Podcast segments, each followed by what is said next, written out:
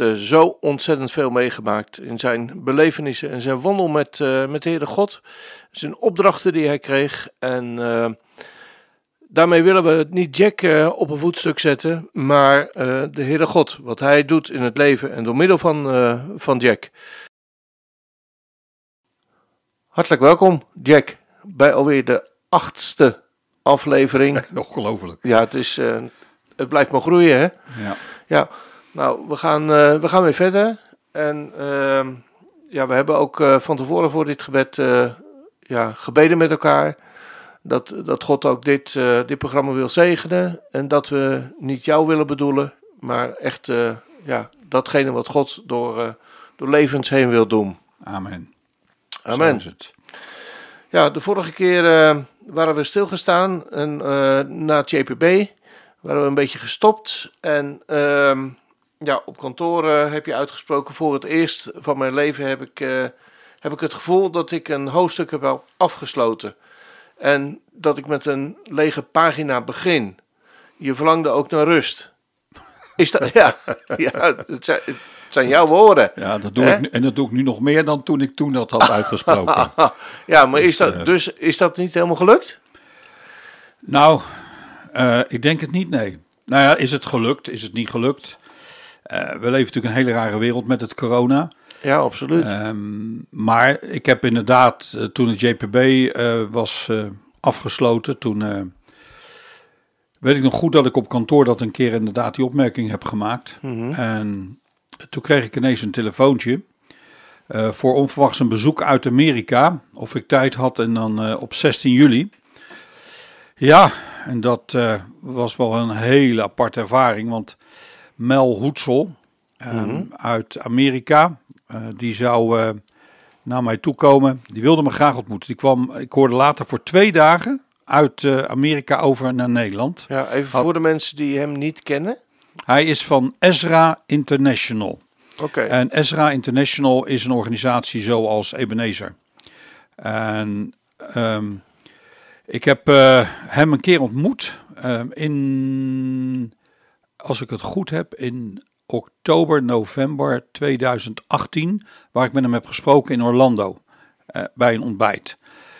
En wel een hele aardige man. Hij was daar samen met zijn vrouw een hele tijd zitten kletsen. Nou, hij kwam eh, naar kantoor, bijna 80 jaar, Zo. slechte been en een hele bijzondere, zachtmoedige man gods. Hij kwam samen met Pat Frame en zij kwam uit Schotland samen met Heino Ree. Die is eh, in Nederland. Hij is zendeling in Colombia. Met z'n drieën kwamen ze langs en wilden met me praten. En zijn ze alle drie bij. eh, Alle drie zijn ze nu, eh, werken ze voor eh, ehm, Ezra. Ezra. En de PET is verantwoordelijk voor het operationele gedeelte in. Europa. Mhm. Niet meer in Rusland, dacht ik. En in Zuid-Amerika. Oké. Hein is vrij nieuw bij de organisatie. Maar Mhm. Pet en Hein waren allebei bij het Jeruzalem Prayer Breakfast geweest. Waren erg onder de indruk. Ik heb toen helemaal niet met Hein echt gesproken. Mhm. En toen op die dag dat Mel mijn kantoor binnenkwam, Kees, toen gebeurde er iets. Hij kwam binnen en eh, ineens overviel mij iets. Dit wordt, eh, dit is belangrijk voor de toekomst van jouw bediening, van jouw leven. Dat overviel mij heel erg. Dat kwam een soort uit het niets. Ja, eh, de Heilige Geest die dat echt, dat ervoor ik. Ik ken, Ja. Je herkent soms dingen nu. Ja.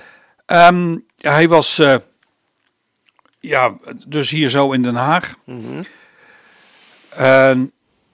Hij had een heel, heel bijzonder verhaal. Ik, ik was verbaasd, want hij had negen uur gevlogen. Had een overstap gehad met drie tot vier uur. Nog een uur vliegen. Eh, ongelooflijk dat hij zoveel tijd spendeerde om twee dagen naar Nederland zou komen. En ik zei, eh, nou dat vind ik nogal wat. Toen zei hij, ach ja Jack, als je weet dat de Heer wil dat je gaat, dan ga je.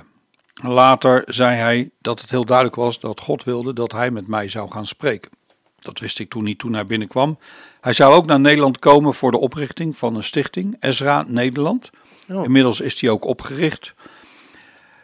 Gaan we En hij had nog een afspraak. eventjes, eh, Ja, over ja, hebben, ja, denk ik. Ja. Nou, ik had hem dus ontmoet al in Orlando. Hij was daar Mhm. ook een van de hoofdsponsors van het Jerusalem Prayer Breakfast. Maar goed, we, hij komt in, de, in, in, onze, in mijn kantoor en we zitten daar te praten. En omdat mij die gedachte zo was overvallen, Ja. was ik de hele tijd maar bezig. Wat moet ik hem vragen? Wat moet ik hem vragen? Heer, laat me zien, wat moet ik hem vragen? En ik kreeg maar geen antwoord daarop. En hij begon te vertellen over zijn verhaal, over zijn levensverhaal. En ik was op het punt, ik had al met diverse mensen gesproken, om mijn eh, verhaal in een boek te gaan schrijven. Nou, hij begon zijn levensverhaal te vertellen. Hij begon over wonderen en tekenen te vertellen wat hij allemaal in zijn leven had meegemaakt. Nou, dat waren zulke bijzondere ehm, ja, wonderen. Een voorbeeld, had een woord gekregen van de Heer dat God hem vliegtuigen zou geven. En dat hij hulpverlening zou gaan geven, dat soort zaken. En binnen een week belde er iemand op van Boeing. Hij woonde toen in Seattle. En daar zat het hoofdkantoor. En de man die daar de directeur was geworden van de testafdeling. Ja. Die had een aantal organisaties op het oog. En die had Mel gebeld. Eh, wij doen testvluchten met vrachtvliegtuigen van Boeing. Zou jij die vliegtuigen kunnen gebruiken? Dat als wij dan toch ergens heen vliegen, dat we dan gelijk hulpgoederen mee kunnen nemen. Oh, En daar heeft hij zulke bijzondere getuigenissen over verteld. joh. En het ene was nog, en zo ging het maar door. Over Ja. hoe hij met eh, Steve Lytle ontmoet had. Steve Lytle is een bijzondere man die ook over de Exodus, het grote visioen, voordat nog de, de muur omging, hè, de muur van het ijzeren gordijn als het Ja. ware omviel, heeft hij eh, een, een, hij zei, ik wist niet wie het was, maar de Heilige Geest zei me, ik moet voor deze man een avond organiseren en collecteren. En later hoorde ik pas wie die was. Ik ontmoette hem en dat hij bezig was met de Alia. En dat hij eh, even kijken, ik moet even naar. Oh ja, toen organiseerde dat, was hij aan het bidden. En toen gaf de Heilige Geest hem exact het bedrag wat die avond opgehaald zou worden. Ik geloof iets van 22, 23.000, maar dan ook nog eh, niet echt rond, hè? Nee. En dat geld kwam er dus echt. Dat is ook echt op de, op de dollar af. En ik, op dat moment eh, zag ik mijzelf al mijn levensverhaal eh, doorscheuren van, eh, nou, ik denk dat ik maar even wacht, want mijn verhalen zijn eigenlijk echt in de verste verte niet wat zijn verhaal is. Ja. Hele bijzondere, zachtmoedige man. Mhm. En wij zaten dus te praten en te praten. En ja, hij heeft. En toen vertelde hij dat hij in 1995, als ik het goed heb, een droom, een visioen heeft gehad. Mhm. Waarin hij miljoenen, miljoenen Joden zag Amerika verlaten.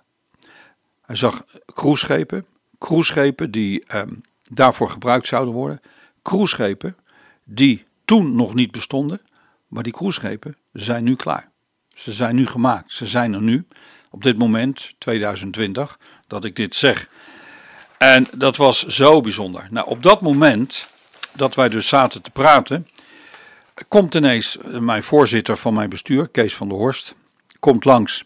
En ik ervaar echt, en normaal komt hij altijd mijn kantoor binnen, maar hij ging nu het kantoor daarnaast binnen. Ja. En het was voor mij heel duidelijk, de Heilige Geest heeft hem gestuurd. Hij moet erbij zijn, want dit heeft te maken met de toekomst van mij. Je had geen speciale afspraak of zo? Nee, die kwam zomaar even binnen, even gedag zeggen op het kantoor daarnaast. Doet hij anders En, nooit? eh, nee, nee. En ehm, ik zei, Kees, heb jij haast? Nee, heb ik niet. Ik zeg, zou je erbij komen eh, willen zitten en gewoon Ja. niet, eh, gewoon luisteren. Verder Ja. niet te spreken, maar gewoon luisteren. Ja. En eh, ik vroeg aan hem, op, gewoon maar spontaan, zonder dat ik daar een openbaring over kreeg. Mhm. Mel, kun je wat vertellen over hoe, ja, hoe jij ziet wat er in Europa staat te gebeuren ten aanzien van het Joodse volk? Ja. En hij gaat wat vertellen. Hij begon eigenlijk toen over zijn levensverhaal te vertellen voordat hij eh, verder begon over de situatie in Europa en hoe Ezra benaderd was door het Joodse agentschap. Ja. En terwijl hij dat eh, begint te vertellen, heb ik een, een, een soort bovennatuurlijke ervaring. Die ik al eerder heb gehad en dat heb ik ook gedeeld in, in Israël eerder, in een van de eerdere uitzendingen. Hoe de Heilige Geest over mij kwam en me liet zien wat ik allemaal had gedaan. En wat mijn, eh, ja, mijn daad die ik deed in het Vreespaleis eigenlijk had betekend op dat Ja. moment. Diezelfde ervaring had ik voor de tweede keer van mijn leven. En de Heilige Geest liet mij zien dat mijn toespraak in de ridderzaal veel verder was gegaan dan dat ik zelf eh, had, Had beseft, bedacht. had bedacht. Ja. En de Heilige Geest liet mij zien dat het woord wat ik zei, give back, waarvan ik dacht en ook verteld heb in het programma hiervoor over het materiële, hè, geef Ja. het materiële en het immateriële terug aan het Joodse volk. Ja. De Heilige Geest liet mij zien dat dat ook betekende: send them back. Geef mijn volk terug. Give my people back. En dat raakte me zo. Ik kreeg kippenvel over mijn hele huid. En dat ik een proclamatie had gedaan op het allerbelangrijkste plekje. Ik wil mijn mensen terug, namens God. Zo. Geef mij mijn volk terug. En ik werd zeer emotioneel. En het aparte is dat, je zou het haast niet meer denken, maar ik ben ooit Pillar of Fire begonnen op basis van de tekst Jeremia 16, vers 16. Ja. Het tijdperk van de vissers en het tijdperk van de jagers. Ehm, en dat is de visie op de Alia. De visie is de vissers, is dat de Joden eh, nu door de organisaties, de Alia-organisaties zoals Ezra, Ebenezer en andere, vrijwillig de Joden ophalen. Ja. En op een gegeven moment is die tijd voorbij. En dan is het van, nou, als jullie niet goedschiks thuis willen komen, dan doe ik het kwaadschiks. Ja. Dan stuur ik en dan douw ik jullie terug. ja. Dat is Als, altijd. een soort, als een soort opjager, Jack. Ja, ja, ja. En, en dat is. En ik wist altijd dat mijn roeping is geweest voor de tijdperk van de jagers. Ja. En dit kwam allemaal bij mij terug. En ja, ik had het. overviel je soort, denk ik, hè? Ja, ja, ik was echt, echt overdonderd. En ik wilde dat gelijk delen. Maar hij was nog aan het bezig, dus ik liet hem netjes uitpraten. Mel. Ja. In ieder geval, toen hij klaar was, zei ik: Mel, mag ik je wat vertellen? En ik begon te vertellen over, eh, over het visioen van de vuurkolom dat ik ooit had gehad toen ik begon met Pillar of Fire. De naam van de stichting, hè, dat dat te maken had ook. Ik, ik ben een vuurkolom voor mijn volk. Ik ga voor mijn volk uit. Ik zal ze Ja. terugbrengen. Ja. En toen vertelde ik over de Heilige Geest die mij, tot mij had gesproken in Westerbork. En de tekst die had gekregen uit Jezaja 42 vers 22. Waarin we ook de afgelopen keer uitgesproken hebben over give back. Ja. En dat bijzondere ontmoeting in het vliegtuig wat ik had met die Joodse man. ja, met die Joodse man, ja. En ik zei, "Vi- vind je het goed dat ik die tekst voorlees? En wat zegt Mel? Nee, Nee? ik wil hem voorlezen. Dus hij pakt zijn Bijbel en hij opent hem en hij begint te lezen. En dan zegt hij in het Engels even, but this is a people plundered and looted, all of them trapped in pits or hidden away in prisons. They have become plunder with no one to rescue them. They have no one to say. Ze hebben niemand die zegt. En in mijn vertaling die ik had gebruikt staat geef terug. En dan staat hier send them back. En dat was precies het woord wat ik daarvoor echt als een openbaring had gekregen. Dat ik Maar- dat had gezegd, gedaan had in, in de ridderzaal. Maar dat wist hij niet. Hij wist dat dus niet. En hij pakte dus deze vertaling. En dat raakte mij zo erg. Want ik heb diverse Engelse vertalingen gebruikt, ge- Ja. bekeken. Ja. En ik heb nergens zien staan, send them back. En hij heeft dat wel. Nou, dan gaat hij nog verder. Which of you, wie van jullie zal luisteren naar dit of geeft aandacht aan de tijd die gaat komen. Ja. Nou, ik, ik heb echt, ik weet niet wat er me gebeurde, maar de ene emotie of gedachte eh overviel me en de volgende kwam alweer en ik, ik wist echt niet wat er met me aan het gebeuren was. Dus de, de gedachten duikelden over elkaar en, en zo zitten we te praten. En ineens is Mel stil en, en Kees van der Horst zit erbij. En toen wist ik ook echt hoe belangrijk het was dat Kees erbij was. Ik denk, hoe ga ik dit ooit uitleggen? Inge was er niet bij. En hij strekt ineens zijn eh, rechterhand omhoog. En hij begint te bidden. En hij spreekt dan uit dat het vuur opnieuw weer gaat branden voor mijn roeping. En dat het steeds en steeds en steeds sterker zal gaan worden. En ik ervaar echt, dit is een profetisch gebed en dat is niet van Mel, dit komt uit het hart van God. En dat is iets, dat moet je ervaren om te snappen wat er is. En eh, nou, dan geeft hij me een tekst uit Jezaja 43, vers 18 en 19. En dan forget the former things, vergeet de vorige dingen. Do not dwell on the past. See, I'm doing a new thing. Now it springs up. Do, not, do you not perceive it? I am making a way in the desert and streams in the wasteland. Zo, vergeet de oude dingen. Ik ga nu een nieuw ding doen. En, ehm, en ja, ontvang het als het ware. Dus er gaat iets heel bijzonders gebeuren. En dan zegt hij, Mel, zegt, Mel zegt dan tegen mij, Jack, je hebt dingen afgerond nu. En nu roept God je voor nieuwe dingen, voor een nieuwe tijd. En jij bent geroepen om in Europa een belangrijke rol te spelen met betrekking tot de Alia.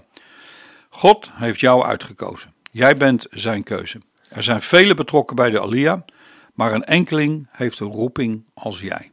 Maar, maar Jack, het- had jij verteld wat er met, met jou tijdens dat gesprek gebeurde? Niet echt. Niet alles nog. Dus, Nee. dus het, het, het, er gebeurde heel veel. En ik, ik was eigenlijk ook heel emotioneel over alles wat er gebeurde. je weet, ik verlangde eigenlijk naar een tijd van rust. Ja, absoluut. En in één keer eh, gebeurt dit in mijn kantoor. En ik Ja. wist ineens, dat nieuwe hoofdstuk is vandaag gestart. En dat vond ik wel, wel heel bijzonder. En laten we ook eerlijk zijn, nu moet de Heere, goed, Heere God ook gaan bevestigen. Want het zijn hele mooie woorden. Ik ben altijd heel voorzichtig met profetieën. Eh, ik reageer nooit op profetieën in die zin van ik luister ernaar, ik ontvang het, maar voor de rest ga ik er nooit naar handelen.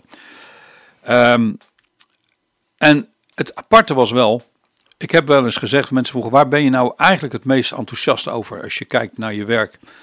En dan is dat eigenlijk de Alia. De Alia is wel het onderwerp wat ongelooflijk mijn hart heeft. Omdat ik geloof dat God me daarvoor geroepen heeft. Omdat ik geloof dat dat een ongelooflijk belangrijk werk van God is wat hij gaat doen. Dus we zitten dan te kletsen in mijn kantoor en dan vraagt hij: Jack, heb jij contacten in Duitsland? Ik zei: Nou, ik heb wel contacten. Maar dat zijn veel contacten via Ebenezer. Ik ben bevriend met Harold Eckert, die heeft een aardig netwerk. Maar echt heel veel contacten in Duitsland heb ik niet. En zegt- ik zeg maar, wat wel heel apart is, Mel, nou dat zo zegt. Ik heb toevallig net een uitnodiging gehad of ik eh, wil spreken in Bonn. En ik ken die hele gemeente niet. Ze hebben mij gevraagd, een grote internationale gemeente, of ik daar wil spreken op de Israëlzondag, over Israël. En ja, dus dat is wel heel apart. En Mel zei, oh, ik geloof dat dat te maken heeft met de komende Alia. Ja, ik, ik, ik hoor dat en ik luister en ik dacht, oké, het zal wel. Israël zondag. Nou, maar er was zoveel gebeurd en ik zat met de worsteling. Hoe ga ik dit aan Inge bekendmaken? Hoe ga ik dit duidelijk maken wat er vandaag gebeurd is in kantoor? Dat kan ik niet. En ik dacht van, weet je wat? Ik vraag of ze tijd hebben om uit eten te gaan. Dus ik heb ze uitgenodigd. Voor Kijkduin gaan we daar een hapje eten in een restaurant. Inge gebeld. Inge ging mee. Ik zei, Inge, je moet hem ontmoeten. Ja. Nou, Inge heeft veel met hem gesproken. Het was een hele bijzondere tijd. Inge was, eh, die is niet gauw, maar die was erg onder de indruk van eh, deze man. Hele, hele bijzondere man. Hij vroeg ook naar onze kinderen. Vonden we ook heel bijzonder eh, apart, want dat doet altijd niet alles. En toen gaf hij ons nog de tekst uit Handelingen eh, 16, vers 31, waar Paulus zegt tegen de bewaker in de gevangenis. Als hij vraagt hoe hij behouden kan worden, antwoordt Paulus: Geloof in de Heer Jezus en je zult gered zijn, jij en je hele huis. En toen zei hij tegen Inge mij: Dank God vanaf nu dat je kinderen gered zijn. En dat doen we nu. We bidden en we herinneren God aan de belofte uit handelingen elke morgen voor ons gezin, voor onze kinderen. Dus dat is wel, eh, wel heel bijzonder. Hij gaf ook allerlei getuigenissen van gezinnen waar ook echt doorbraken gekomen zijn op basis van die eh, belofte. Nou, terugkijkend al met al, het was een hele bijzondere ontmoeting, een bijzondere dag. Ik heb er een tijd mee gelopen om alles te verwerken wat er gebeurd was, want je weet eigenlijk niet goed eh, wat er allemaal gebeurd is. Inge was onder de indruk. Inge geloofde ook echt dat, eh, dat ik met Alia te maken zou hebben, maar voor de rest, joh. Weet je, eh, ik heb geen idee. Ik heb zoiets, eh, we zien het wel, we merken het wel. Ik ben daar en heer, ik ga verder. Ik dacht, nu ga ik toch even genieten van een tijd van rust. En toen was ik uitgenodigd ineens in oktober voor de Global Apostolic Prayer Network. Dat zijn allemaal gebedsleiders over heel Amerika en wereldwijd die daarvoor uitgenodigd zijn.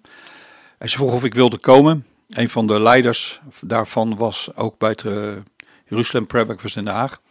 Of ik daar wilde spreken. Was je toen al in Bonn geweest? Nee, want Bonn was uh, later. Oké. Was later. Ja. In ieder geval, ik ging uh, daarheen en Inge zei: Jack, als je naar Amerika gaat, dan moet je doorvliegen naar Idaho. Want daar is Mel en Mel wilde nog met je doorpraten. Ik Ja. nou, ik weet van niks. Ja, zegt ze, Mel heeft echt gezegd, ik wil verder met je praten, Jack. Het was mij ontgaan, Kees. Ik wist het echt niet. In alle emotie misschien. En Inge, die wil eigenlijk dat ik altijd het liefst zo snel mogelijk thuis kom. Het feit dat zij zei, je moet echt doorvliegen. Het is belangrijk, want het heeft met je toekomst te maken. ja. Eh, dat raakte mij. Dus Ja. Mel gebeld en dat lukte. Dus ik ben na de conferentie vanuit Oklahoma City ben ik doorgevlogen naar Idaho. Gewoon om te praten. En ik had eigenlijk niet echt een idee ehm, wat ik er moest doen. We gaan praten. We gingen eerst die eerste dag sightseeing. Hadden een mooi huis in Toyn. Nee, hoe heet dat nou ook weer dat plaatsje? Maar eh, tegen de Rocky Mountains. Heel erg mooi was het. Ehm, we hebben wat sightseeing gedaan. En s'avonds uh, in zijn huis begonnen we te praten, te praten en hij vertelde zoveel. Ik weet ook heel veel, want ik heb in de loop der jaren ook heel veel mensen ontmoet. Ja, ik ben absoluut. regelmatig in Oost-Europa geweest. Maar hij zat te vertellen en te vertellen. En ik merkte, ik merkte dat hij een vraag had. Ik voelde dat, er, dat hij mij aan het voorbereiden was op een vraag. Op een gegeven moment zeg ik tegen hem, Mel, ik merk dat je mij een vraag wil stellen. Maar ik ben moe, ik wil naar bed. Zullen we morgenochtend verder praten? Prima, Jack. Dus ik ging naar bed en ik lag in bed en ik dacht van, wat wil hij mij vragen? Wat wil hij mij vragen? En misschien heeft hij het ook wel gezegd hoor, ik heb een vraag. En ik dacht, oh, het gaat om geld. Het gaat altijd om geld. Dus hij zal wel weer geld willen voor Esra. Daar zal de vraag wel over gaan.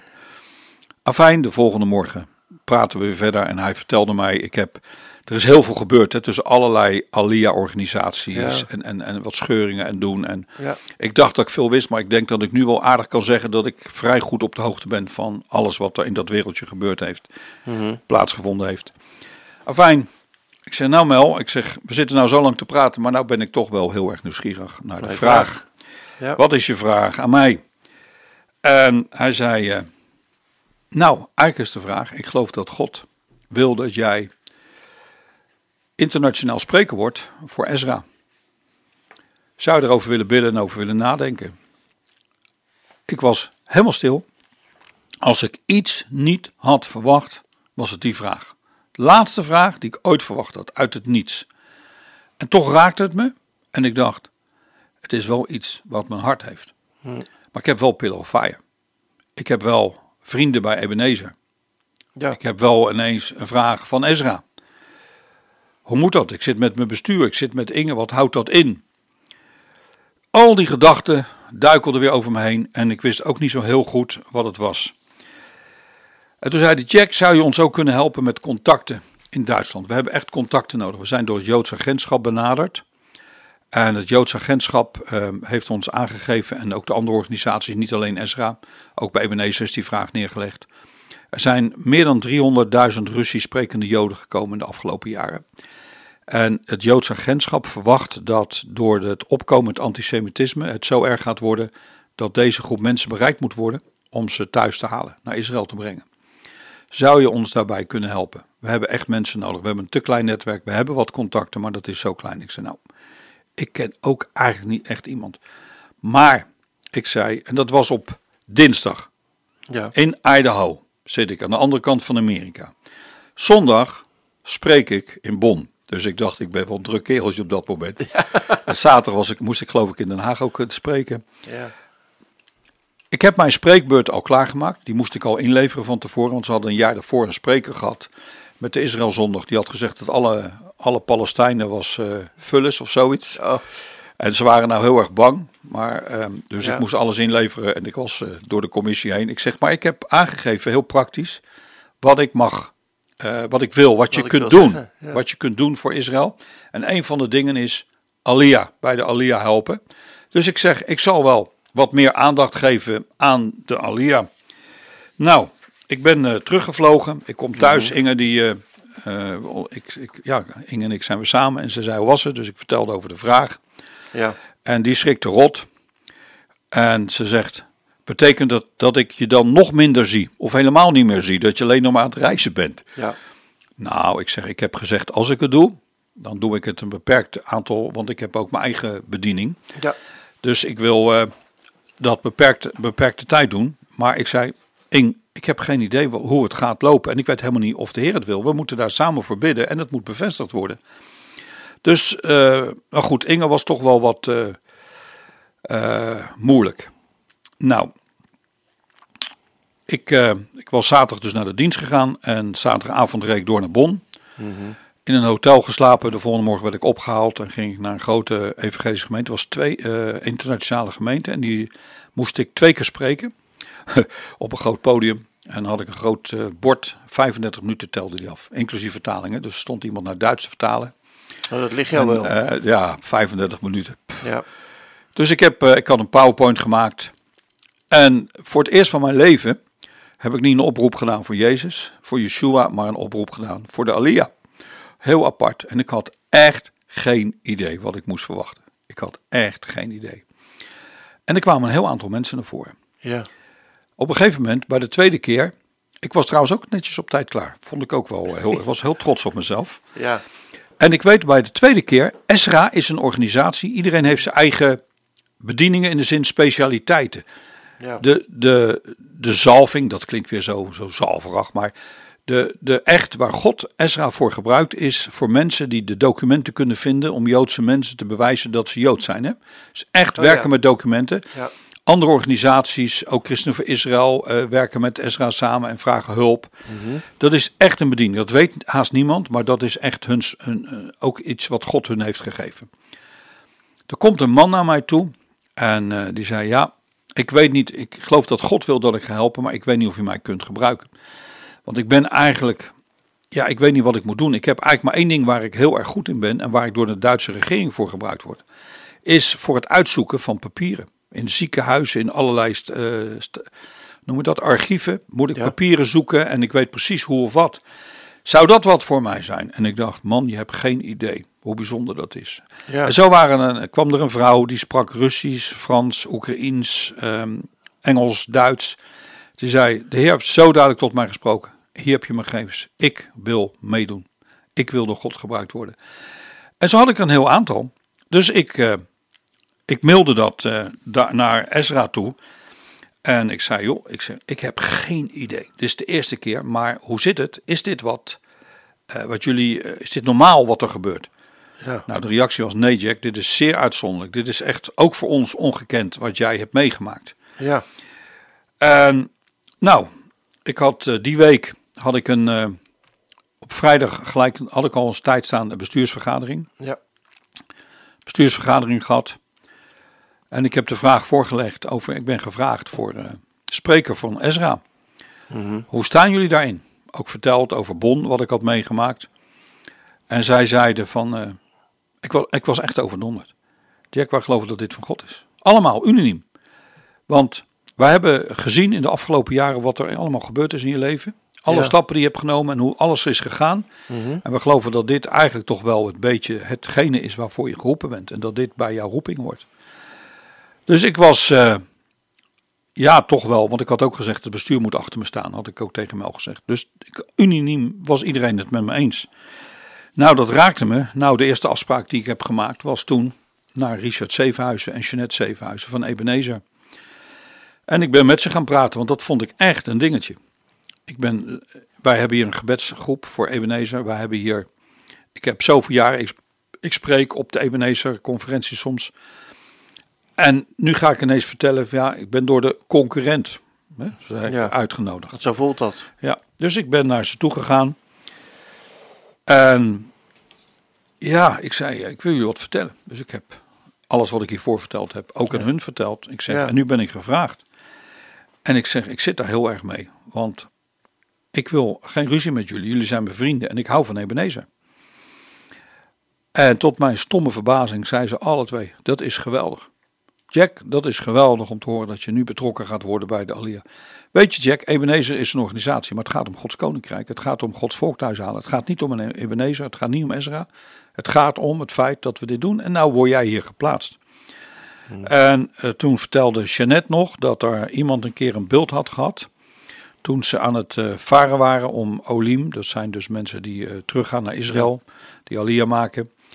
Eh, en die had een beeld gekregen van het schip en er was een vlag op van Ebenezer. En eh, toen kwam er een bliksemflits en die sloeg in op de vlag en de vlag verbrandde toen helemaal. En het woord was erbij, pas op dat je niet jullie organisatie het middelpunt zet, want het is mijn werk, het is Gods werk. Het gaat niet om jullie organisatie, maar het gaat om mijn werk. Het is maar een, een tool, een middel Ja. om mijn volk thuis te brengen. Instrument. En eh, nou ja, dat was voor mij zo heerlijk. En Ja, dat gaf zo'n rust. Want daar zat ik echt heel erg mee. En ik heb eh, Mel gebeld. Ja, Mel, ik geloof toch wel. eh, nee, heb ik nog niet gedaan. Ehm, toen kwam er eerst nog een vraag van Ezra ineens. Jack, ken jij toevallig een advocaat in Duitsland die ons kan helpen om Ezra Duitsland op te zetten? Ik zeg, nou, ik zei, sorry hoor, maar ik heb echt geen mensen die ik ken. eh, Ja. die een advocaat zijn. Eén of twee dagen later, en dan kan je zien dat het God is, hè? dat niet Jack van der Tang is, maar God. Krijg ik een e-mail uit Duitsland van Ronald Tijgart. Ronald Tijgart stelt zichzelf voor. In de mail, hij zei: Ik heb jouw mailadres gekregen van mijn secretaresse. Die was in de dienst waar jij sprak. Die was zo aangeraakt door wat je vertelde. En ik vond mijn spreken eigenlijk heel zwak, moet ik je zeggen. En die was zo aangeraakt dat zij heeft zich ook aangemeld. En zij vertelde dat zij een onzichtbare hand in haar rug heeft gevoeld, die haar naar voren heeft geduwd, want zij wil dit soort dingen nooit, om zich aan te melden voor de Alia. Spreekt ook allerlei talen. En zij heeft net zo lang gepusht eh, aan, bij mij om te kijken naar jouw boodschap. Die was maar 35 minuten, dus zo lang was het niet. Hij zei, eh, want zij vond dat ik echt naar jou moest luisteren. En ik heb naar je geluisterd. Ik moet je ontmoeten. Ik moet met je spreken. Ik wil je ontmoeten, want eh, je hebt dingen gezegd dat me zo geraakt heeft.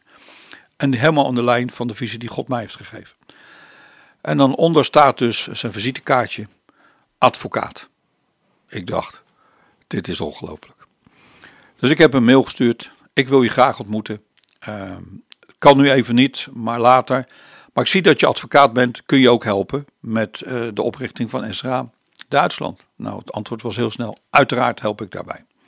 Ik dacht, dat is echt wel, eh, wel heel bijzonder. In ieder geval, toen hadden we even rust, dachten we. Wij zouden, ik zit ondertussen even naar de klok te kijken, maar we zouden naar Israël gaan voor Israël Relief Aid, de organisatie die we in Israël hebben opgestart samen met Max Veenstra en nog een paar mensen. En we zouden daar een aantal projecten gaan bezoeken. Max Veenstra en zijn vrouw Lida die konden onverwachts ineens niet. En wij hadden al de tickets geboekt, die konden we niet meer afzeggen. Inge had vrijgenomen van de werk. Dus wij besloten om toch te gaan. En dachten, weet je wat? We nemen lekker even een paar dagen rust. Dat hebben we nodig. We zijn continu bezig. We zitten in die stroom van alles.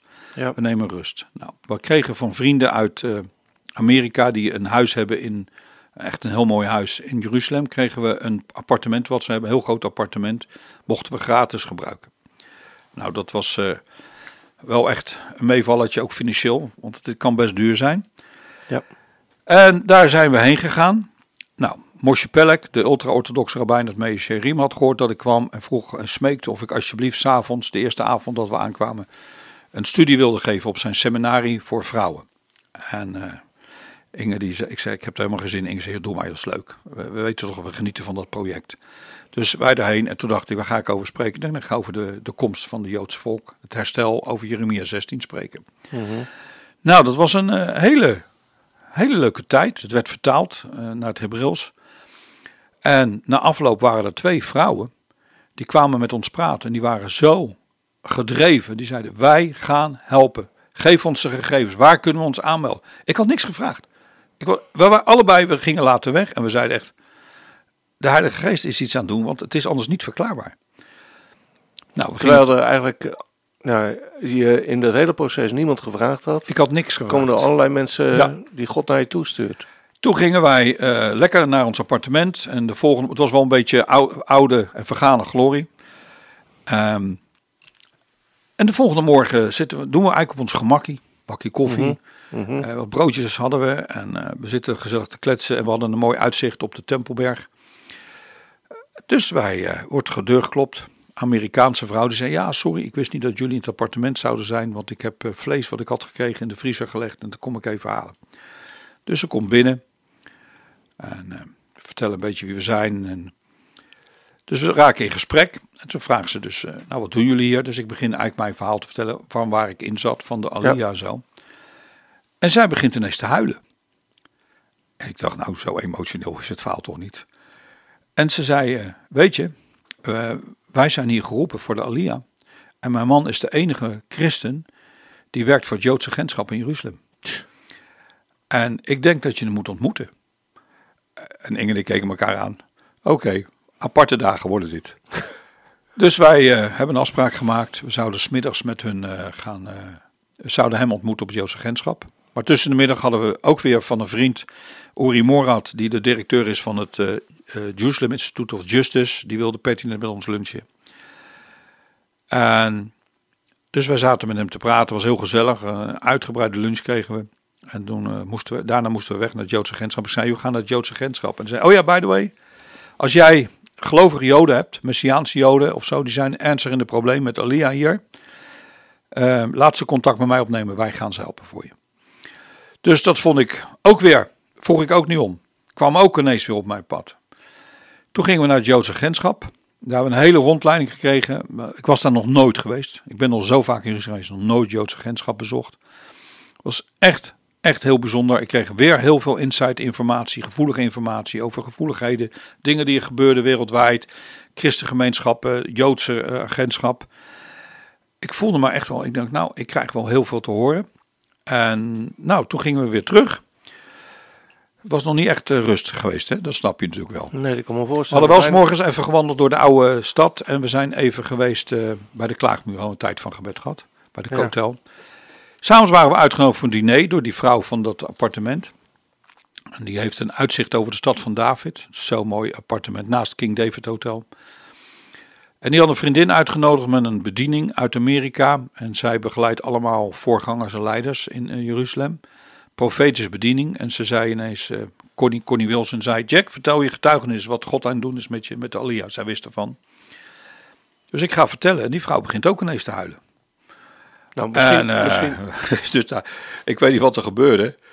Maar het, het, toen ging zij. eh ineens zei ze: We gaan bidden. En toen werd een gebedsjaal om Inge en mij gelegd. Dat was ook apart. Dat was nog niet eerder gebeurd dat wij samen. En toen werd er geprofiteerd over wat er allemaal met ons ging gebeuren en zo. En ik ben het allemaal weer vergeten hoor, moet ik je zeggen. Maar dat was wel eh, ja. een hele bijzondere tijd. We gaan er even tussenuit voor, eh, voor muziek, Jack. Ja. Ja, eh, beste mensen, u hoort mij heel weinig vragen stellen. Maar nou ja, Sorry. Weet je, ja, maar aan de ene kant denk ik van, ik wil het ook niet, dit getuigenis wat je hebt, val ik eigenlijk zelf ook van de een in de andere verbazing. Het is niet de eerste keer dat ik dit hoor, maar dat God zo, eh, zo tegen iemand eh, spreekt als een instrument. Is geweldig. We gaan luisteren naar het lied. Het lied dat we gaan draaien is eh Kol Adonai. Ehm, en uit betrouwbare bron heb ik begrepen dat dit een van de favoriete nummers is van je vrouw Inge. We gaan naar luisteren.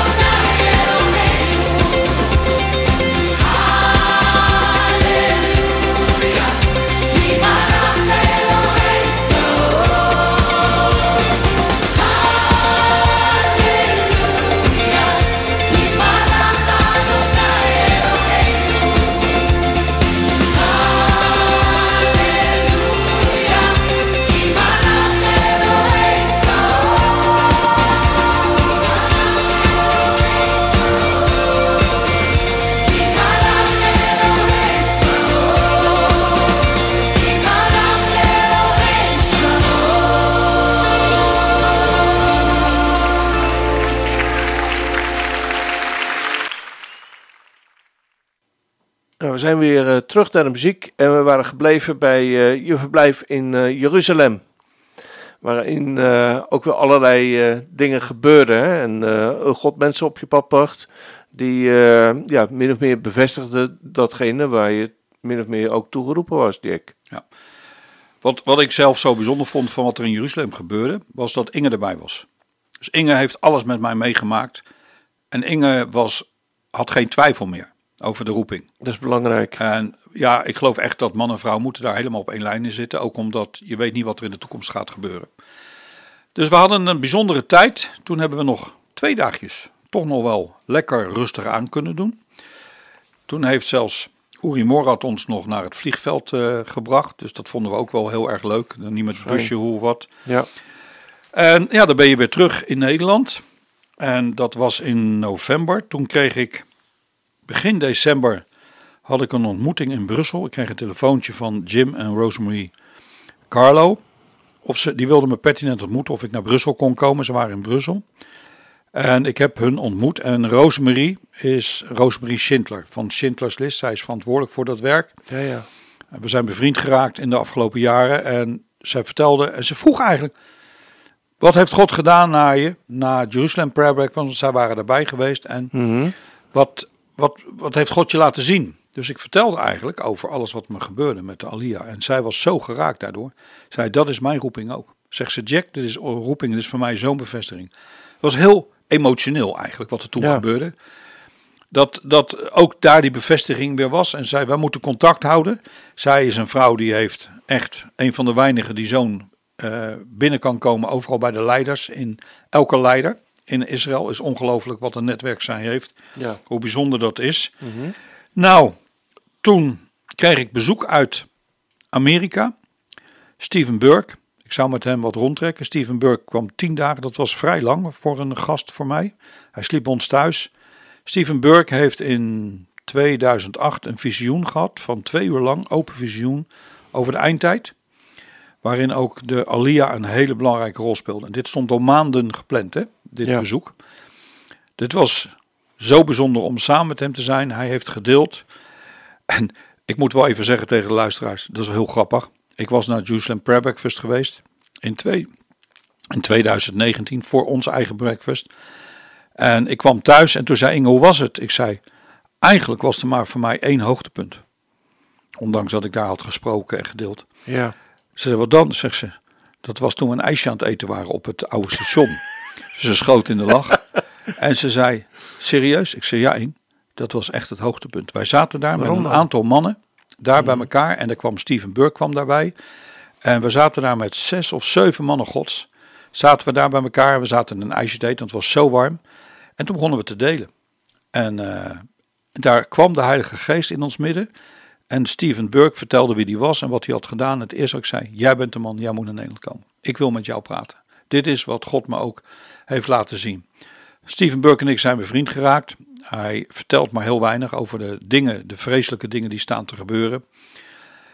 Het wordt echt heel serieus. Wat hij had 2008 zien we al in Amerika in zekere zin al gebeuren. Maar bij hem is nog veel erger met bommen die gegooid worden. eh, door vliegtuigen had hij gezien. Tja. Al dat soort zaken. Een heel ondergronds netwerk is er wereldwijd gebouwd voor de opvang van Joden. En hij heeft dat allemaal gedeeld met mij. Mhm. En ik dacht, dit is, de, dit is de man die ik meeneem om eigenlijk moet ik die Ronald, de advocaat in Duitsland, gaan ontmoeten. Dolgraag, wij zijn naar Ronald gegaan in eh, Keulen, in de kerk waar hij komt. Daar was ook een Joodse man, daar waren wat andere leiders. Daar hebben we zo'n bijzondere tijd en gebed gehad. Daar ben ik eigenlijk, dat was een klik gelijk met Ronald. We zijn bevriend geraakt. En Steven Burke heeft ook heel veel bij mij gedaan en losgemaakt. En dat zijn allemaal dingen waar je niks mee kan. Je slaat het op en je zult het mee gaan maken en ervaren. Maar ik ben wel alert op wat hij heeft gedeeld. Ik kan dat hier niet op de radio, hij deelt dat ook niet. Allemaal in verband met veiligheidszaken. Ja. Een heel netwerk, niemand weet. Er zijn maar een paar contactpersonen en die weten ook weer niet alles. Zo, zo werkt dat. Dat is een heel bijzonder. Toen was dat weer voorbij. Toen ging ik in januari, was ik uitgenodigd om te, een, te vertellen op Jeruzalem. Ik heb een film ook gemaakt. eh The Hague or Jerusalem.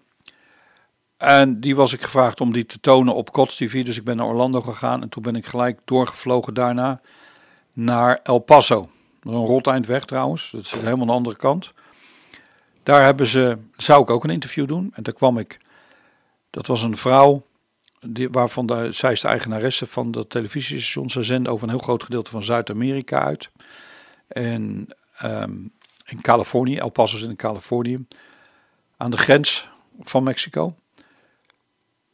Ze zei ja, haar broer kwam haar, mij halen en die zei nou je moet je voorbereiden, want eh, je gaan, we gaan zes interviews met je doen. Ik geloof zes, zes of acht, ik weet het niet meer. Ik zei zes, ik dacht toch maar één. Mhm. Dus ik heb in mijn hotelkamer heb ik alles voor moeten bereiden en daar hebben we zes programma's gedaan. En toen zei ze later, Jack, zou jij mij televisieprogramma's willen aan gaan leveren? Bijvoorbeeld over Israël en over de eindtijd, over de Alia. Dus ik heb daar ineens, eh, alsjeblieft, ze vraagt regelmatig, wil je dat doen? Dat ga ik allemaal nog doen, maar nu is dat niet gebeurd. Dat was ook weer een hele bijzondere ervaring. En dat was in januari dit jaar, toch? Ja, toen heb ik contact gezocht met Mel. Ik wil Mel. Eh, God heeft bevestigd. Maar als ik internationaal spreker word, wil ik absoluut gezegend worden. Eh, ik, moet, ik moet Gods zegen hebben voor het werk wat ik ga doen. Want ik kan het niet. Ik ben geen goede spreker. Er zijn veel betere sprekers. Maar ik weet wel, als de Heilige Geest door je heen spreekt, dan gebeurt er veel meer dan al ben je de technisch beste spreker. En 15 februari kwam hij naar Nederland. was heel bijzonder. Met een heel team kwam daar officieel. Want er kwam, hij kwam uit Amerika. Michael Utterbeck was erbij. Die heeft een groot werk in Israël. Michael Utterbeck, hij was de oud-directeur ook van de Christelijke Ambassade geweest. Hij heeft daar een heel grote groep mensen die werken. Allemaal mensen helpen met de Alia. Ministry to Israel was erbij. Pat Frame uit Schotland. Heino Ree was nog in Nederland. Ja. Die is nog steeds in Nederland vanwege de corona. En die kwam natuurlijk uit eh, Colombia. En dan Malcolm, ben even zijn achternaam kwijt. En hij is de man uit Engeland. Nou, we hebben een hele bijzondere dienst gehad. Waar ik ben, eh, ja, door de handen ben opgelegd. En toen, eh, ik had ook Willem Glashouwer gevraagd. Die kon toen niet komen om erbij te zijn. Eh was ook heel bijzonder dat Richard Zevenhuizen erbij was. Die heeft ook gebeden voor me en ook wat verdeeld Van Eliezer. van Ebenezer. Dat heeft later hoorde ik dat getuigenis dat is geweest om te laten zien. Dat heb ik ook bij Esra gezegd. Zijn jullie echt op jullie eigen organisatie of werken jullie samen? Nee, Jack. Wij geloven dat het een werk Gods is en dat we moeten samenwerken. Ik zeg, Ja. Dat is voor mij echt een belangrijk iets. Samenwerking met anderen is voor mij heel belangrijk. Als dat niet kan, dan kom ik niet. Nou, het feit dat hij al wat zei, terwijl hij zo ernstig ziek was, Ja. vond ik echt, eh, dat raakte echt mijn hart. En ja, toen ben ik eh, gezegend en toen eh, had ik later had ik een keer Willem Glashouwer aan de lijn en zei: Jack, hoe gaat het nu met je bediening als internationaal spreker? En toen schoot ik in de lach en toen zei ik: Willem, ik ben de meest bijzondere internationale spreker van de hele wereld. En hij zegt: Hoezo dat dan? Ik zeg: Dat is zo uniek. Ik ben de enige die geen ene uitspraak heeft. Dus hij moest heel erg lachen daarom. Toch gaat het komen. Ik zeg: Ik ben er ook van overtuigd. Maar ik weet verder niet hoe of wat. Nou, toen kregen we de rustige periode met corona. Reizen kon niet meer. Nee. Nou, in die tijd. Ga, ga je dan op een gegeven moment niet, niet, niet twijfelen, Jack? Van, Nee, ja, maar nu... nee ik vind het wel, ik vind eerlijk gezegd wel prima. En ik, ik ben heel relaxed erin, want het is Gods werk. Ik, ga, ik kan toch niks doen. Het- God moet het doen. Ja. Hij moet me gaan uitnodigen. En, als, en voor de kerken. Ik moet de kerken wakker gaan schudden. Dat is mijn bediening. Mhm. Om klaar te staan te gaan helpen, financieel en praktisch, met de komende alliën die gaat Ja. gebeuren. En het En- is zijn werk. Het is zijn werk en hij moet het doen. Ik zei eh, tegen Mel, fondswerving moet ook gebeuren. Ik zei tegen die eh, Michael Utterbeck, Michael, ik heb een probleem. Mhm. Ik heb een principe dat ik mijzelf nooit uitnodig. En toen moest hij lachen. Dat doe ik ook, Jack. Je zult zien hoe druk je het gaat krijgen. maar eh, er is niks, maar corona was er. Ja. Dus eh, er gebeurt niks. Kerken kwamen niet meer samen. Maar in die tijd werd natuurlijk Richard Zevenhuizen werd steeds ernstiger ziek. Zieker. Dus Ja. ik ging naar zijn, ik ben veel aan zijn sterfbed geweest. En hij was voor mij zo'n, zo'n bijzonder. Hij, hij was altijd dankbaar. Altijd, eh, nou vrolijk wil ik niet zeggen. Maar hij, hij ja, glom altijd. Zo'n getuige van de Heer. Ik was zo bemoedigd door hem. Het was een voorrecht om aan zijn bed te zitten. Tot een dag dat ik bij hem kwam. En hij ineens begon te huilen. Eh Jeanette was net weg, ging even boodschappen doen. Ik was samen met hem. En begon te huilen en ik schrok. Want ik had Richard nog nooit zien huilen. Ik zei, Richard, waarom huil je? Hij zei, Jack, je wil niet weten hoe ik voor je aan het bidden ben over jouw toekomst. Jo. En God heeft me laten zien, en hij werd als het ware een soort profetisch, zo ken ik Richard helemaal niet.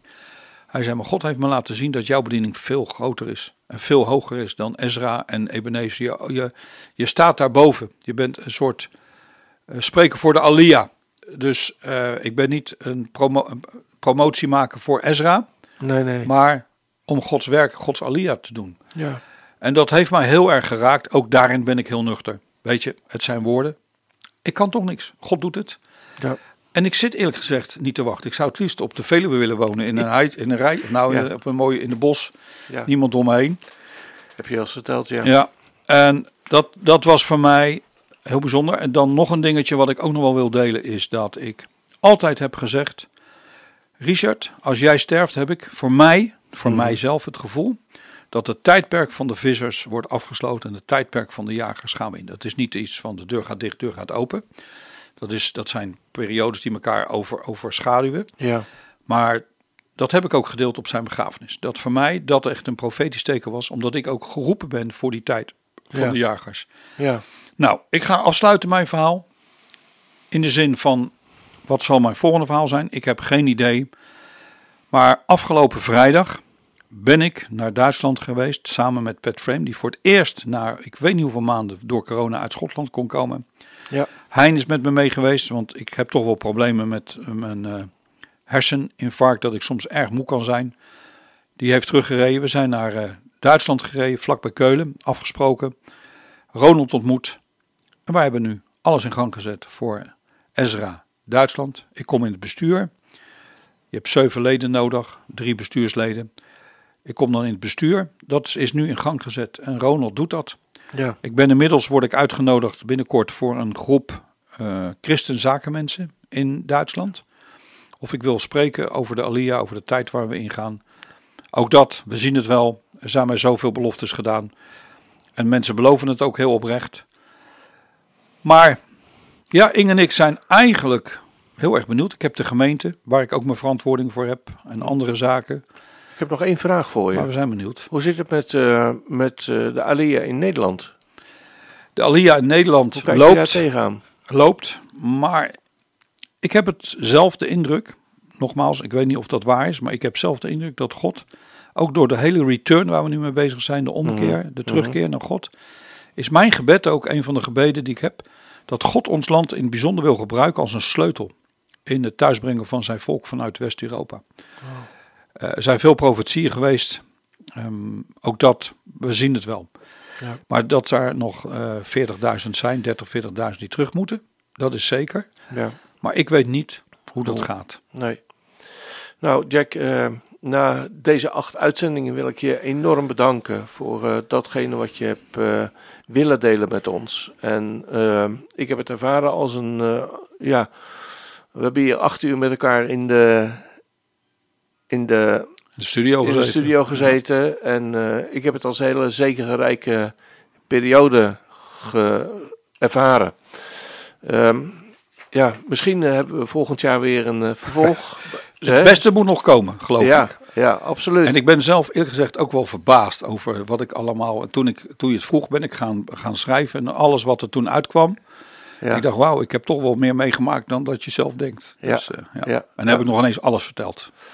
Nou, eh, wie weet komt dat een eh, volgende keer. Beleven en welzijn. En eh, ja, ik zeg er altijd maar bij, zo de Heer vertoeft te komen. Want daar zien we met elkaar naar uit. Amen. Hè? Dankjewel. Nou, Dan eh, sluiten we deze uitzending ui- af. En wie weet, voor, tot de volgende keer. Dank je. U hebt geluisterd naar Manishma.